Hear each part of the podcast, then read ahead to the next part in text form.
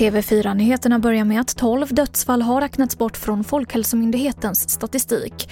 Och de konstaterar att det inom flera regioner skett utbrott på studentfester, privata fester, arbetsplatser och bland idrottsutövare. Och då särskilt inom hockeylag. Och de här utbrotten kan ju förstås leda till en fortsatt spridning ut i samhället. Har inte gjort så i någon större utsträckning hittills men risken finns ju där. Så även om de åldersgrupperna som deltar i detta inte drabbas så mycket själva kan de vara början till en större spridning i samhället som vi absolut vill undvika. Det sa statsepidemiologen Anders Tegnell.